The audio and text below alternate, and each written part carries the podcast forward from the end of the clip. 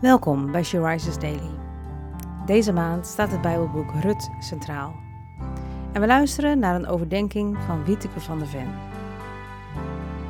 We lezen uit de Bijbel Rut 3, vers 7 tot 9. Boas at en dronk, voelde zich voldaan en legde zich te slapen tegen een hoop gerst. En toen kwam Rut stilletjes naar hem toe sloeg de deken aan zijn voeteneinde terug en ging liggen. Midden in de nacht schrok hij wakker, draaide zich om en zag een vrouw aan zijn voeteneinde liggen. Wie ben jij? vroeg hij. Ik ben het heer, Rut, zei ze. Laat me bij u schuilen, want u kunt voor ons als losser optreden. Je moet het maar durven om zo'n plan als deze uit te voeren om je verdekt op te stellen en toe te zien hoe Boas zijn avondmaaltijd neemt en zich dan overgeeft aan zijn slaap.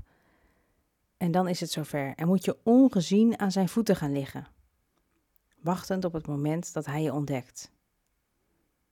Zou Rut ondertussen ook geslapen hebben of zou ze al die tijd afwachtend wakker hebben gelegen?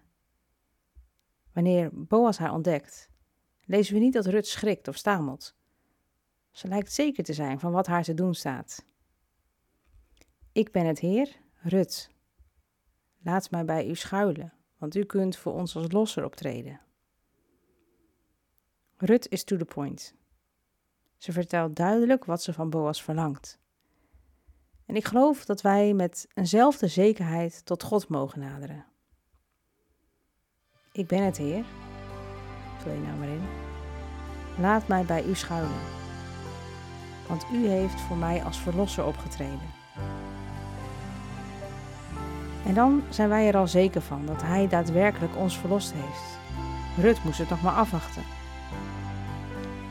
Ik wil je uitdagen om vandaag je verlangen aan God uit te spreken. En probeer net als Rut to the point te zijn. God kent jouw verlangens al, nog voordat jij ze hebt uitgesproken. Wat heb jij van Hem nodig deze dag?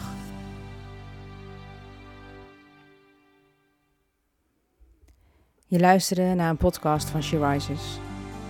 She Rises is een platform dat vrouwen wil bemoedigen en inspireren in hun relatie met God.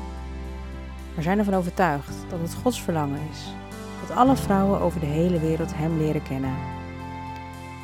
Kijk op www.she-rises.nl voor meer informatie.